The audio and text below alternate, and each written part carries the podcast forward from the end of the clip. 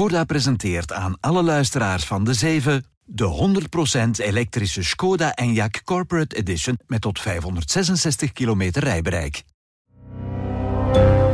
Welkom bij de 7 van de tijd.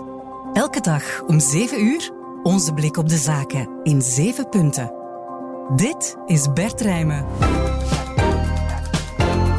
Goedemorgen. Nog nooit betaalden zoveel beleggers zoveel taxen als vorig jaar. Het gaat om een stijging van 8% tegenover het jaar ervoor. Als je vandaag niet per se in Brussel moet zijn, kan je de stad beter vermijden vanwege het boerenprotest. Maar wie gaat er nu eigenlijk met de centen lopen die de boeren niet krijgen? De voedingsbedrijven, de supermarkten of nog iemand anders? En de Belgische oordopjesmaker van Loop Earplugs, die zijn vorig jaar zomaar even drie keer zo groot geworden. We praten met de twee oprichters. Het is donderdag 1 februari. Welkom. De 7 van de tijd. 1. Beleggers hebben vorig jaar een recordbedrag aan taxen betaald. De roerende voorheffing, de tax op effectenrekeningen, de beurstax, alles samen stegen ze ruim 8% tegenover 2022. Hoe komt dat? En is dat op zijn minst goed nieuws voor het begrotingstekort? Goedemorgen, Wouter Vervennen. Goedemorgen redacteur hier bij de beleggerredactie op de tijd. Wouter, een recordbedrag aan beleggerstaxen. Dus vertel eens, wat zijn de cijfers? Maar misschien eerst heel kort het algemene plaatje. Dus de totale fiscale ontvangsten van de overheid zijn met een goede 4% gestegen vorig jaar naar 140 miljard euro. Mhm. Maar de taxen die beleggers betalen, daar is de stijging duidelijk groter. Uh, ja, een goede 8% en komen we uit op 6,1 miljard duidelijke en uh, toch ook wel stevige stijging dan. Uh, dus Wouter, hoe komt dat? Het gaat vooral dan over de roerende voorheffing. Daar is er ruim 10% bijgekomen en daar zijn eigenlijk twee belangrijke redenen. De beleggers hebben eigenlijk hun portefeuilles wat herschikt. Ze mhm. hebben geld weggehaald van spaarboekjes en zichtrekeningen, waar ze in de praktijk ja, weinig of geen roerende voorheffing op betalen. En dat geld is gevloeid naar termijnrekeningen en naar obligaties. En dus op termijnrekeningen en obligaties betaalt u als belegger ja, vanaf de eerste euro 30% roerende de voorheffing op de rente van die producten. En een tweede reden is natuurlijk ook de rentestijging. Dus ja, beleggers die termijnrekeningen hebben of die obligaties hebben, die betalen daar meer dan een paar jaar geleden roerende voorheffing op, omdat gewoon ja, de rente op die producten is toegenomen. En het gevolg is natuurlijk dat de tax dan ook toeneemt. Die gestegen fiscale inkomsten, Wouter, is dat dan goed nieuws voor de schatkist? Daalt daarmee met andere woorden het Belgisch begrotingstekort? Nee, want de overheidsuitgaven zijn vorig jaar nog sneller gestegen dan de inkomsten. Mhm. Nu, de Nationale Bank verwacht dat het begrotingstekort in 2023, dat is het tekort dan van alle overheden, federaal, regionaal en lokaal, dat dat is toegenomen naar 4,3 procent van het bruto binnenlands product. Dat is ongeveer 25 miljard.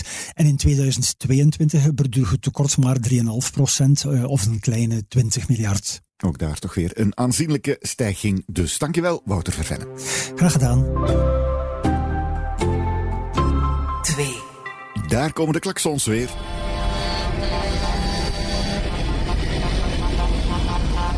Als je vandaag echt in Brussel moet zijn, kom je beter met de trein. De auto zou ik proberen te vermijden. Het boerenprotest zal de stad lam leggen in het kielzog van een Europese top. Wordt allicht de piekdag van het protest. De eerste boeren zijn Brussel gisteravond al binnengereden met hun tractoren. Ze concentreren zich op de Europese wijk, maar er zal zowat overal hinder zijn. Robin de Bekker van de Brusselse politie. De hele dag zal de Rijerstunnel komende van de E40 richting het centrum afgesloten worden. En ook de Jubelparktunnel richting Wet. Maar door de komst van de boeren zal wellicht ook de kleine Brusselse ring ontoegankelijk zijn voor het autoverkeer. Net als kruispunt Kunstwet en uh, ook de wedstrijd in de Europese wijk kunnen zware verkeershinder verwachten. Ook in en rond Gent, Lummen en Veurne zijn de boeren van plan om actie te voeren. Ook daar roept de politie op om je route aan te passen als dat mogelijk is. 3.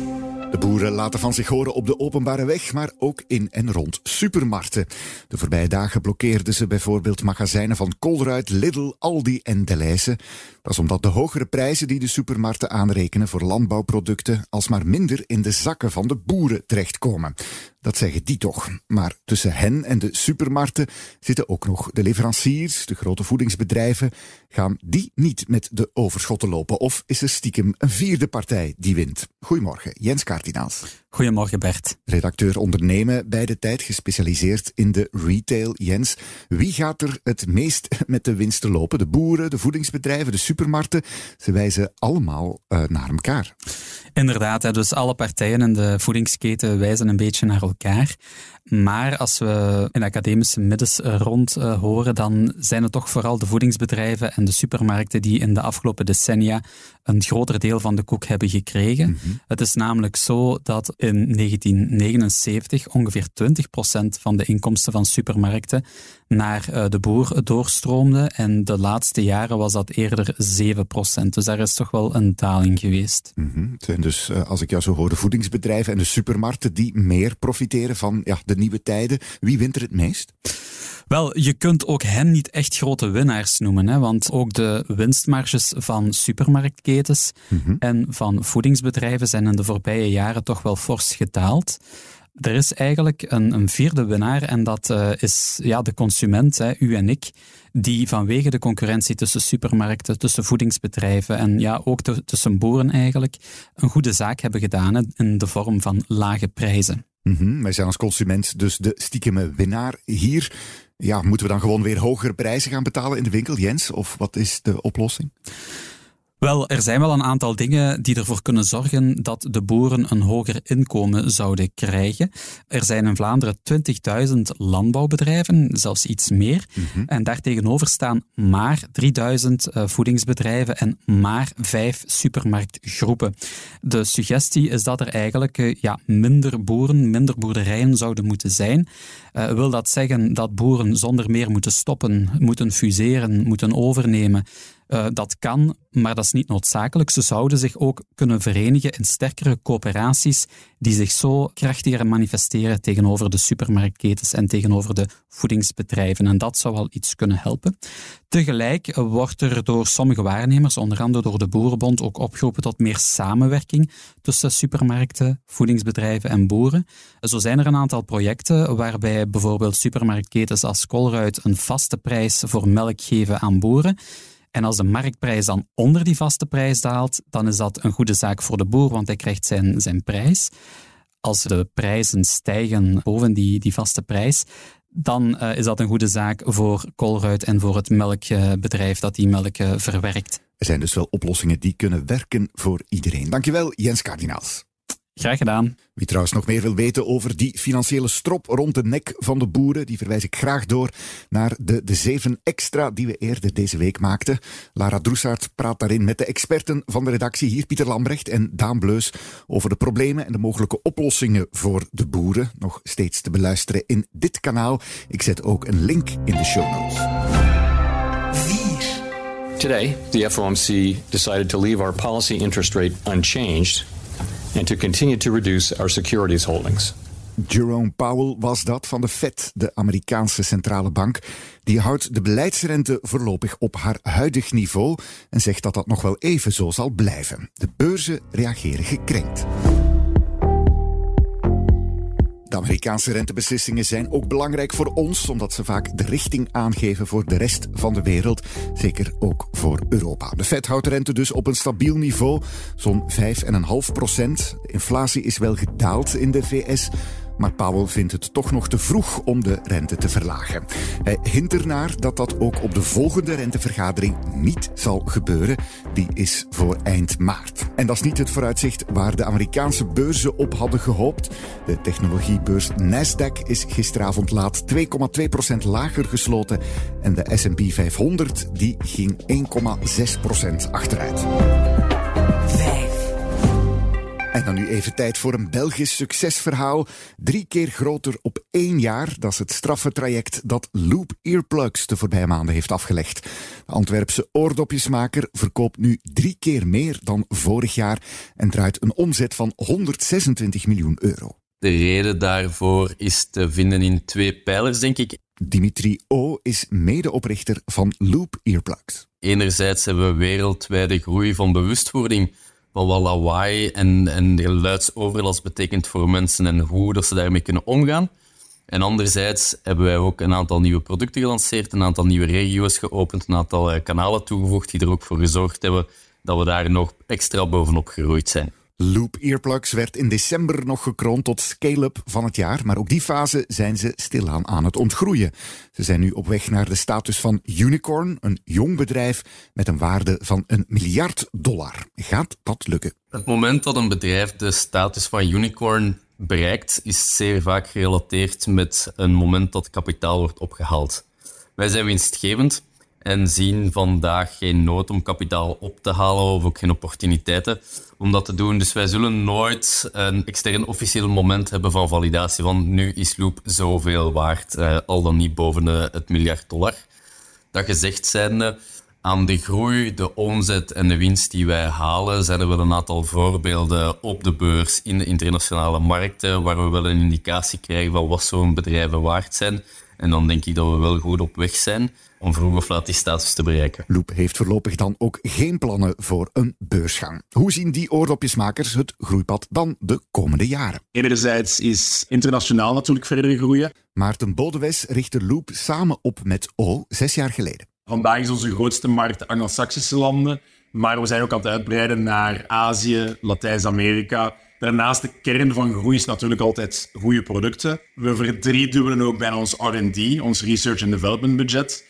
En misschien het laatste, inderdaad, we blijven ook qua marketing, qua kanalen, ook aan het kijken naar potentiële uitbreidingen. Samenwerkingen met designers, merken die ook onze klanten goed vinden. En sommige design icons, misschien daarvan eentje dat er binnenkort uitkomt, is, is een van de manieren om dat te doen. Wat Rihanna deed voor Louis Vuitton, doet een vooralsnog onbenoemde superster binnenkort dus misschien voor Loop Earplugs.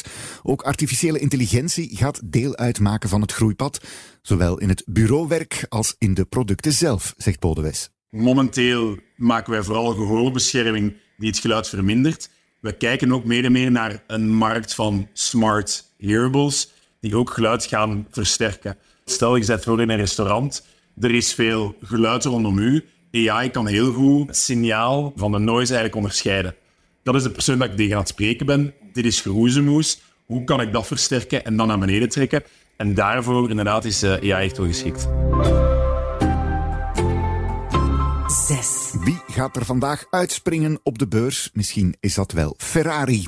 Het iconische sportwagenmerk uit Italië publiceert zijn bedrijfsresultaten voor het vierde kwartaal. Voorkennis. Vorig jaar bracht elk kwartaal een nieuw omzetrecord voor Ferrari. Zal dat voor het vierde dus ook zo zijn? Waarschijnlijk niet. De groeicijfers zullen volgens analisten iets bescheidener uitvallen, maar wel nog altijd goed zijn. En zo zal Ferrari 2023 toch weer als een recordjaar kunnen opschrijven, ook op de beurs. Daar is het aandeel op een jaar tijd met 40% omhoog gegaan. Het geheim zijn de winstmarges. Geen enkele constructeur verdient zoveel aan een nieuwe auto als Ferrari. En dat is vooral dankzij gepersonaliseerde opties, zoals zelfgekozen leder voor de zetels of unieke kleuren voor de remklauwen. Die maken zo'n auto plots veel duurder, maar de klanten van Ferrari betalen ze toch maar al te graag. 7. Ferrari wordt niet vaak ingeschreven als bedrijfswagen, maar ook wie er een wat minder exotische heeft met een brandstofmotor zal even slikken als hij de voorspellingen van consultant EY hoort voor volgend jaar. De belasting op die auto's zou stijgen met 40 we hebben het de voorbije dagen al gecoverd hier in de Zeven. De federale regering heeft er last minute en met het nodige kunst- en vliegwerk voor gezorgd dat de belasting op brandstofbedrijfswagens dit jaar niet fors toeneemt. Maar door die ingreep wordt de toename volgend jaar des te forser. Dat zeggen zowel consultant EY als leasingmaatschappij Arval. Die spreken allebei over een stijging met grofweg 40% van het voordeel alle aard voor benzines en diesels. Op jaarbasis zou dat zo'n 6 tot 700 euro schelen. Het voordeel is wel dat een pak minder mensen met dat probleem zullen zitten, zeggen EY en Arval. Want het aantal brandstofbedrijfswagens in België zou tegen dan stevig zakken van 500.000 naar 250.000. Tot zover deze de zeven. Als je nog niet bent uitgeluisterd, we hebben een kakelverse beursvailleurs of the record klaar. Daarin laten meesterbeleggers ons exclusief het achterste van hun portefeuille zien. Deze keer heeft host Elvermorgen pensioendeskundige Philippe Nijt te gast. Die begon al op heel jonge leeftijd te bouwen aan zijn spaarpot voor later. Uh, ik heb dan ook mijn eerste spaarcentjes als assistent. Ik woonde dan thuis, dus ik kon alles uh, sparen eigenlijk. En mijn eerste spaarcenten gingen in de Berkshire Hathaway, het A-fonds, één aandeel. In het A-aandeel? In het A-aandeel. Ja, misschien bent u wel de enige Belg, meneer Nijt, die dus, zo'n gegeerd A-aandeel uh, heeft. Ja, ja ik heb dat nog. Ik heb dat gewoon aangehouden. Het is niet dat ik dat alle dagen bekijk. En het is ver, vertwintigvoudigd of meer, denk ik. Wel, ik heb dat, denk ik, aan een 8000, 9000 dollar, in. Ja. ik denk 93. Ja, kijk eens. Dus voilà. Meer onmisbare inzichten van Philip Nijt dus in de laatste beursvailleur of the record. Enkel te beluisteren in onze app of op tijd.be. Nog een heel fijne dag en tot morgen. Dit was De Zeven met Bert Rijmen. Productie door Roan van Eyck van op de redactie van De Tijd. Voor meer business en straffe nieuwsverhalen, check tijd.be of onze app. Morgen zijn we er weer. Tot dan.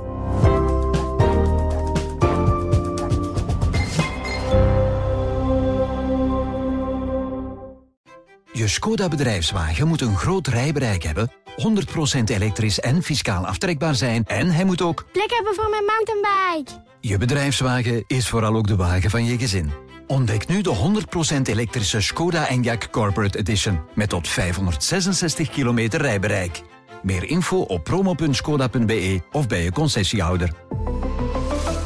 Skoda.